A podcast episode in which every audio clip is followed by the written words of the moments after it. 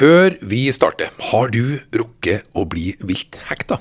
Espen, Jo Inge og jeg har nemlig vært og fiska etter ørret, røye og harr i Troms. Vi har jakta elg og rådyr i vakre Trøndelag, og ikke minst har vi vært på kråkejakt og duejakt i Jo Inge sine hjemtrakter, Solør. Disse turene har blitt en TV-serie, og du finner alle sju episoder på YouTube. Bare søk etter Vilthekta, eller gå inn på Jakt- og fiskebonden sin YouTube-kanal. Men som Terje Tysland sier på albumet Bare kjærlighet, det er nok nå. Så nå kjører vi i gang ukens episode av Jakt- og fiskepodden.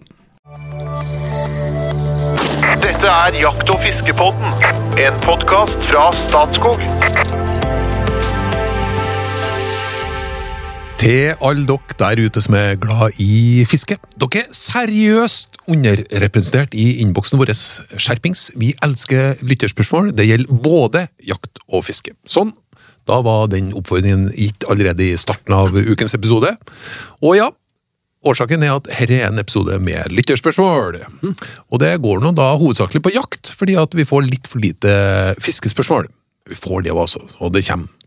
Men det vi skal prate litt om i dag, er hvorfor ikke riflejegerne bruker beskyttelsesbriller. Hvorfor takserer vi ikke skogsfugl? Eh, Hvorfor driver vi ikke elgjakt på bøen? Eh, Og hvorfor utsetter ikke vi taksering på rype litt for å unngå å, unngå å eksponere dem sånn for rovdyr? Noe av det er kanskje sant, noe er kanskje ikke sant, vi får se, men vi har jo tross alt noen som har superpeiling i dette studio. Jeg Trond Gunnar Skinstad er snart ferdig med jobben min eh, nå, for nå har jeg kjørt innledninga. Jeg skal stille noen spørsmål underveis. Men dem som svarer, det er blant annet en eh, tvers gjennom hyggelig lun og real fyr som kombinerer landets høyeste utdanningsnivå med å drepe for fote. Hjertelig velkommen, fagsjef og rypedoktor Jo Inge Bresjeberget. Tusen takk. Hvis du skulle velge resten av livet å bare drive én av de jaktformene her, ville du da drive med elgjakt eller rypejakt? Jeg skal overleve, så det hadde vært elgjakt, faktisk. Må ha mat. Ja, må ha mat. mat. Den andre som gjerne bobler over av entusiasme, eller slukner helt når temaet ikke er så, av så sterk interesse. Ja, vi snakker om fyrverkeriet med et fantastisk humør helt til strekkmotoren og bluesgitaren slukner, ca. klokka ti på kvelden, og etter en del eh, glass med nøye utvalgt pinot noir. Hjertelig velkommen, informasjonssjef i Norges Jeger og Fisk, og poddens kunstnersjel Espen Farstad. Takk. Hva er det som gjør en god rødvin til en god rødvin? Det er eh, at den har i seg flere lag, på. Du, du, du skal, den skal ikke være rett fram og rett ned. Skal, du, skal, du skal få den inn, og så skal den åpne en hel verden for deg. Og du, den, skal, den krever tilbake konsentrasjon. Det er det viktigste når du drikker vin. Det er å være konsentrert.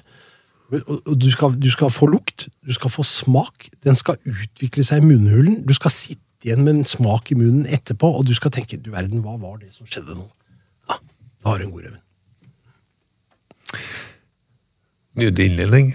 Vi går rett på et eh, lytterspørsmål fra en som heter Tor Harne, og hvis han tar kontakt, så ender han opp med som T-skjorte, som eh, jeg og Espen har på oss i dag.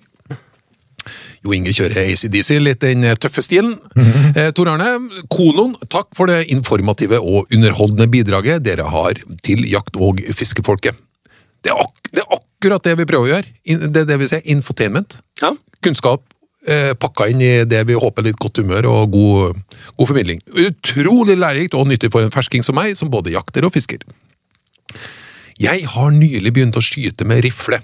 Jeg tok storviltprøven eh, denne uken, kontra tidligere da jeg bare skjøt med, skjøt med hagle. Jeg skyter med rifle på to forskjellige baner, hvorav den ene også har hagleskyting.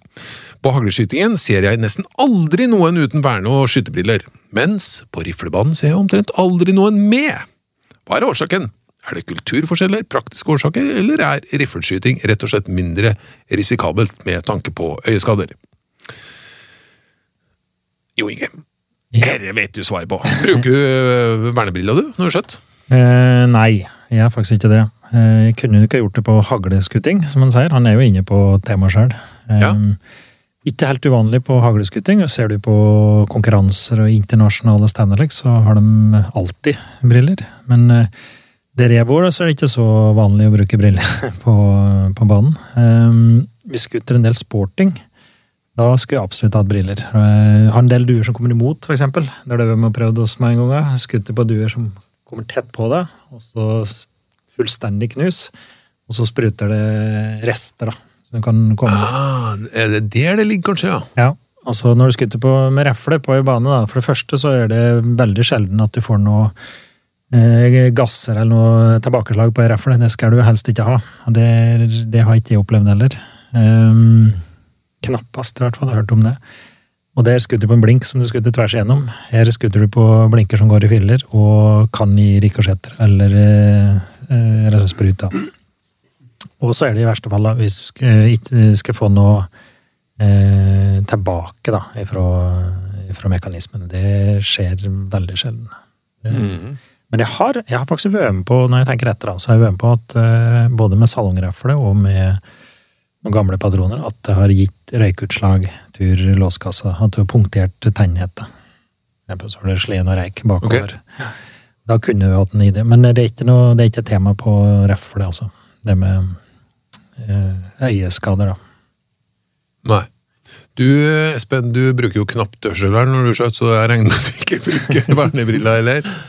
Nei, det er helt korrekt. Ja. Eh, Men jeg, har, jeg lurer på én ting. fordi vi fikk jo litt guiding fra en av Norges beste hagleskyttere. Han hadde beskyttelsesbriller på seg, men ikke nok med det. Altså, det, det var jo ikke sånn eh, blanke briller. Det men de, kan de ha en sånn funksjon at de eh, øker kontrast? eh, sånn? Ja, ja, det, det nevnte vi ikke, da. Men det er ofte, ofte så er det det òg. Og det er samme når vi driver med konkurranseskuting. Når jeg driver med reflekonkurranseskuting, så er det jo veldig vanlig å bruke briller. Altså øh, briller med kontrastfarve. Eh, det kan være gul eller røykfarge. Det er litt ettersom om det er skært eller eh, dårlig lys. Altså Hvis det er grått og dårlig lys, da vil et gult glass for eksempel, gi mer kontrast og mer, du ser tydeligere blinken. da. Samme er det med de her skuddebrillene. Så at han hadde farve på sine briller. Da, Ja. ta bort uh, reflekser og få mer kontrast. Man ser rett og slett dua bedre da, mot eh, en blank himmel, eksempel. Så det er jo en misjon, da. Mm. Det kan jo være grunnen til at de har briller, men rett og slett for å få den kontrasten. Jeg føler at uh, Tor Arne har fått svar, så vi går raskt videre til Peter Friis Brattberg. Hei, jeg har jaktet storvilt hele livet, men har de siste årene begynt med støkkjakt på skogsfugl i tillegg. Vi hører mye om rypetakseringer, men det blir jo gjennomført taks men det blir jo gjennomført taksering på skogsfugl også. Er ikke disse takseringene like spennende eller gode nok, eller har bare rypa forrang? Eller gjør biotopen de lever i det vanskelig å få gode nok resultater? Regner med rypedoktoren har noen gode tanker rundt dette. Takserer vi skogsfugl? Ja, absolutt. Eh, Hvorfor hører vi så lite om det? Ja, nei, vi takser det Statskog takserer mye, da. Og et eksempel år var 2023. Da takserte vi 3150 km ca., og 1000 av de var skogsfugl. En tredjedel omtrent. Og vi søker å taksere mer skogsfugl, og i en del av de kjerneområdene, altså i taigaen, hvis du sier fra Østfold og oppover østre strøk, da. Eh, Et problem, problem der er at vi har eh, det er definert ei forvaltningssone for ulv øst for Glomma. Og når eh, du skal legge ut et nytt område du skal taksere, og så hører taksører at det her kan det være ulv, da er det veldig mange av dem som heller vil taksere noen annen sted. Og hvis de kan velge å taksere i fjellet, der du da er, det er oversiktlig, du ser her hunden gjør, og du har mye mer kontroll på situasjonen, så velger, foretrekker taksører å gå i fjellet kontra i skog. Foruten de som da er dedikerte skogsfugljegere. da. Og de har vi en del av. Så vi, vi har ikke slitt med å finne folk ennå, bortsett fra i ulvesona. Okay. Mm. Eh, og så ser en inn på det om det er vanskeligere å taksere skogsfugl. Ja, absolutt. Det er grisevanskelig å taksere skogsfugl. Vi tror, og vi har belegg for å tro, for det er å teste vitenskapelig, belegg for å tro at den eh, metoden vi bruker på ryper, altså distance, òg egner seg for skogsfugl. Det er litt eh, Noen mener at det ikke er det, men all grunn til å tro at den gjør det. Og da har du sammenlignbare resultater. Problemet med skogsfugl er at de er tilpasset å springe på bakken. De har venger og kan flyge og flakser opp i men de er ekstremt gode på å stikke seg unna og langs bakken. Greia da er at du finner stort sett kølla De gjør samle og setter mye luft og går sakte etter bakken.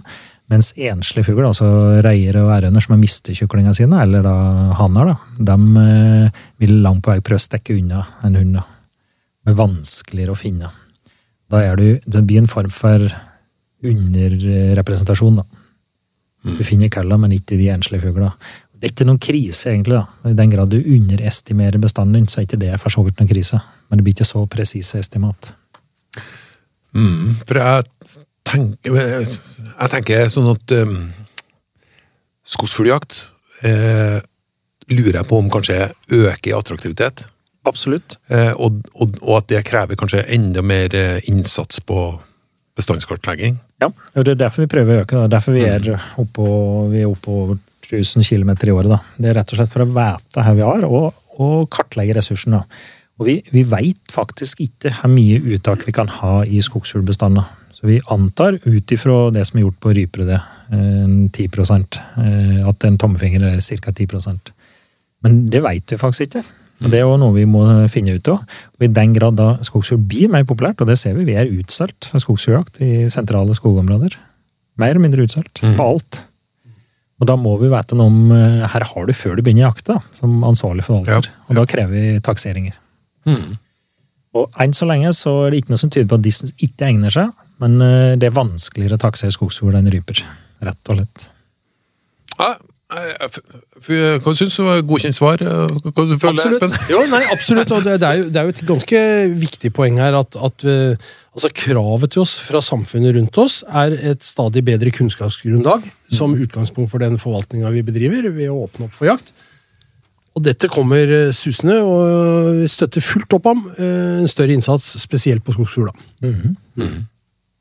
Men så er det, jo, det, er jo en, det er jo en viss sammenheng jo, Inge, da, mellom liksom det som vi ser i svingninger i rypebestanden og det vi ser i skogsfuglbestanden, selv om det kan være variasjoner der, er det liksom Det er jo en det er en tommelfinger i lufta her som, som, som følger ganske godt med. da. Ja, og de virkelig gode åra så er det bra med skogsfugl, bra med ryper og bra med hæra og rådere her det måtte være, altså med unngått predasjon. Og så ser vi at år om annet så er det litt utakt. Så vi, i noen år så kan det være at vi har hatt eh, greie forhold i skogen, men rett og slett det går dårlig i fjellet, eller motsatt. Vi har opplevd det. At eh, det er altså, type værforhold som har slett ut da, som, som hekker på litt forskjellige tidspunkt. Men langt på vei så vil du ha et bra rypeår, så vil du ha bra med skogsfugl. Mm. Vi tar en sving innom et spørsmål fra han, eh, Ole Magnus Olsen. Vi setter ut ørret overalt, i vann hvor det i utgangspunktet ikke finnes ørret. Hvorfor settes det ikke ut annen mor morsom sportsfisk, som for eksempel asp og gjørs? Espen?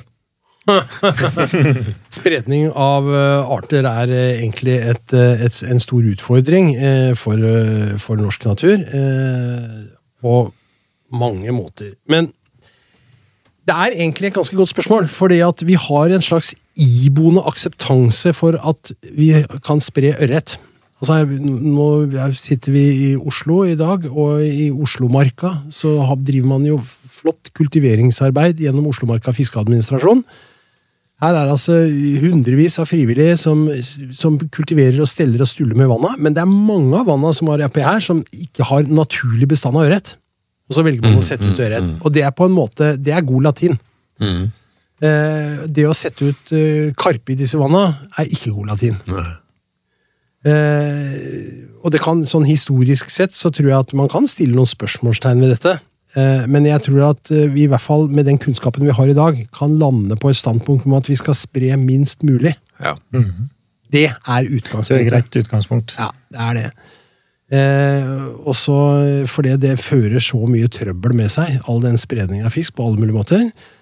Eh, men, men spørsmålet er for så vidt greit nok. Eh, Ja. Jeg syns det. ja. Og det er nesten ikke det vann som ikke har spredd over tid, da, fra gammelt av, har spredd fisk og børig fisk. Spesielt av ørret. Ja, altså, fjell, fjellområdene, fjellområdene i Norge er jo stort sett befolka med båret fisk. Mm, Ja, det er Og så har vi jo så har vi naturlig innvandring, både fra vest og fra øst etter sist istid. Mm. Fra vest så var det jo da laks, ørret og sjøørret eh, og røye, stort sett. Og fra øst så fikk vi disse østlige artene da som karpefisker, abbor, gjedde osv. Og, så og den naturlige utbredelsen er det jo ingen som har noe å si på, men å flytte den da over naturlige barrierer, Mm. da blir det altså en un unaturlig spredning som vi burde unngå. Men er det, altså, grunnen til at man flytta ørret i stedet for andre arter. Tror du det var fordi at den er god, artig Ja, å fiske på? eller? mat. Det er mat. Det var Ja, mat. god mat. Ja. Ja. Du hadde et, hadde et spiskammers, sant? Hadde et lite vann på fjellet, så hadde maten stående i vannet. Ja, rett og slett. Ole Magnus Olsen, T-skjorte, ta kontakt. Eivind Tjenes har et spørsmål. Som hjortejeger er bøjakt en stor del av begynnelsen på jakten. For oss vestlandsjegere dukket da dette spørsmålet opp uten at vi klarte å finne noe på det.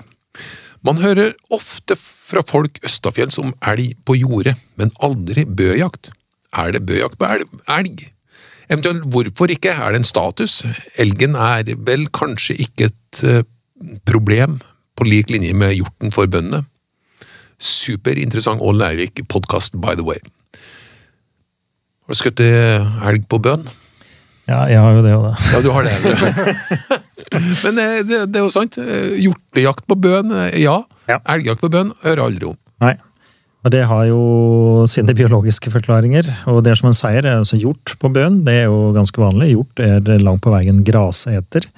Elgen er en kvisteter, en grovfòreter. Det forklarer ganske mye.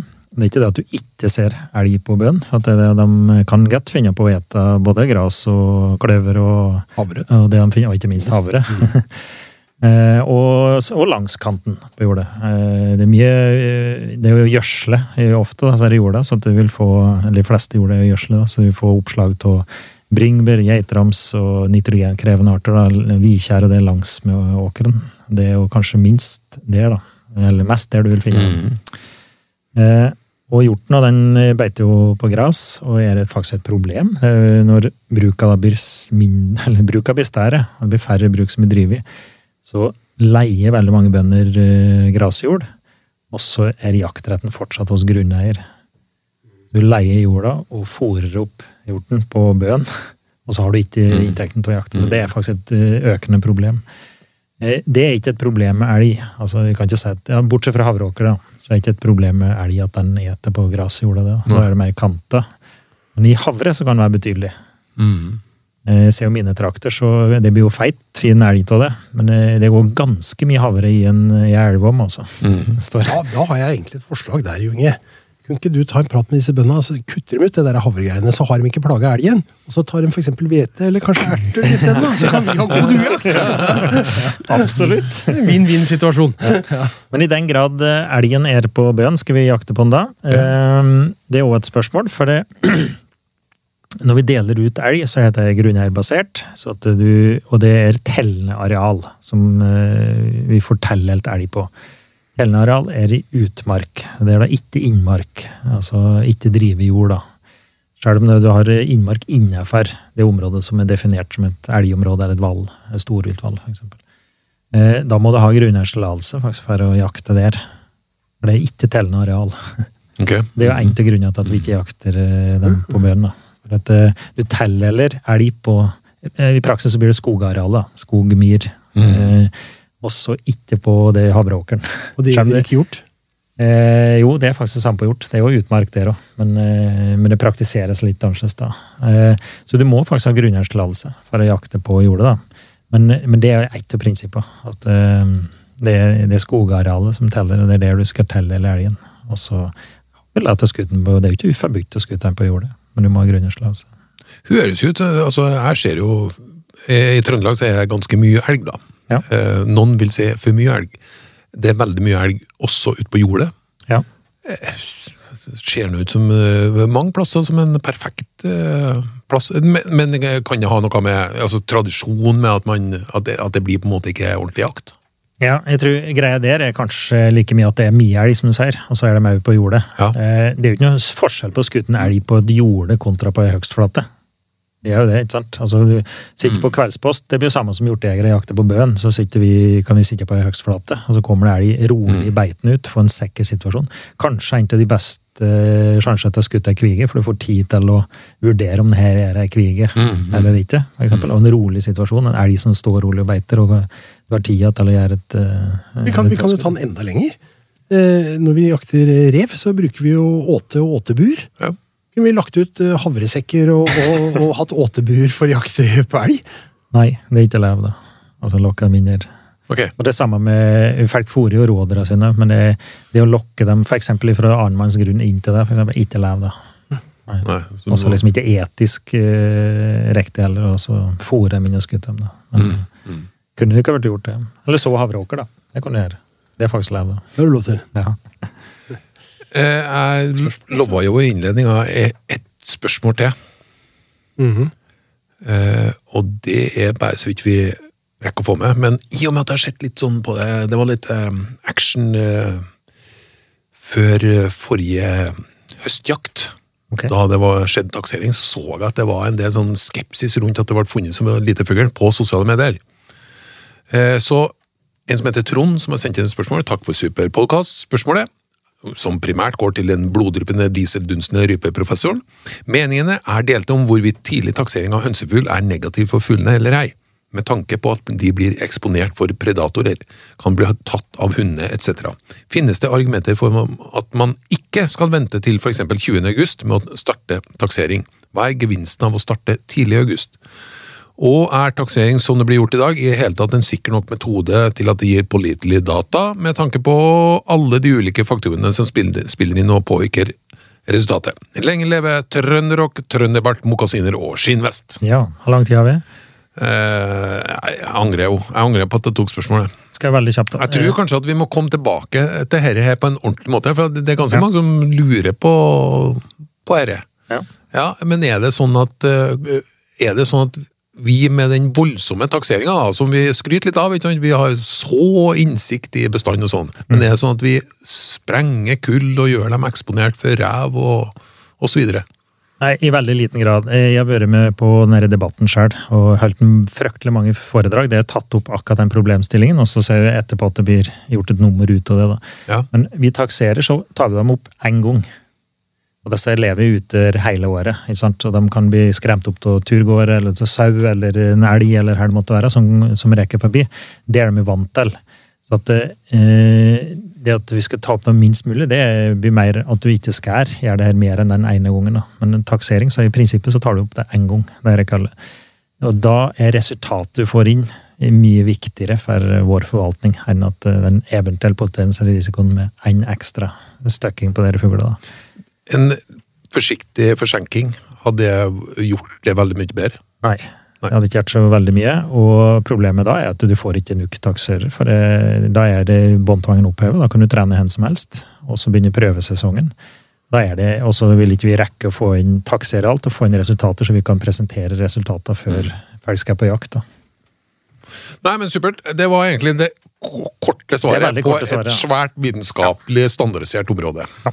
Eh, vi er i ferd med å nærme oss eh, landing. Det er vi. du, jeg sitter jo med et par limericker her, Ja, men, ikke det var det, men jeg, det var vanskelig å finne noe som passa inn her nå. Jeg må innrømme det at her var det vanskelig. Jeg har en på villsvin, og det ble jo helt feil her nå. Men jeg har en på en rovdyrredd rypejeger. Jeg kan vel dra Ja, meg inn er der, da, på. Ja, det må kunne gå. Ja, ja, ja, absolutt. Rovdyrredd rypejeger.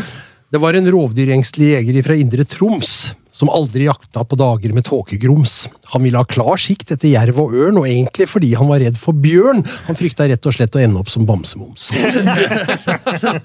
Nydelig! Sven. Oi, oi, oi. Nei, men eh, kjære lyttere, veldig gode spørsmål i dag. Det er bare å sende oss eh, mer på jakt- og fiskebåten at statskog.no, eller på Messenger. Det er også mulig å komme med temaforslag. Eh, og får man brukt et lytterspørsmål i sjølve podkasten, så ender man opp med en T-skjorte som ikke kan kjøpes for penger. Hot or not, og klar? Espen først, så Jørgen G. Flaggermus, hot or not? Hot. Hot. Julekake med sukkat, hot or not? Not Eh, not. Klopplegging, hot or not? hot. Ja, hot. Polsk riksdag, hot or not? Ja, det er hot. Ok, og så lander vi med dagens dobbel. Først, fra Terje Tysklands album Lille glad, låta Hvor er du hen? Hot or not? Not. Ja. Det var en hot, ja. Og så til Terje Tyslands album Det gode liv, låta Du vet hvor du finner meg. Du finner den på enden av Jakt- og fiskebåten hver gang! Super! Takk for følget. Velkommen tilbake til Jakt- og fiskebåten.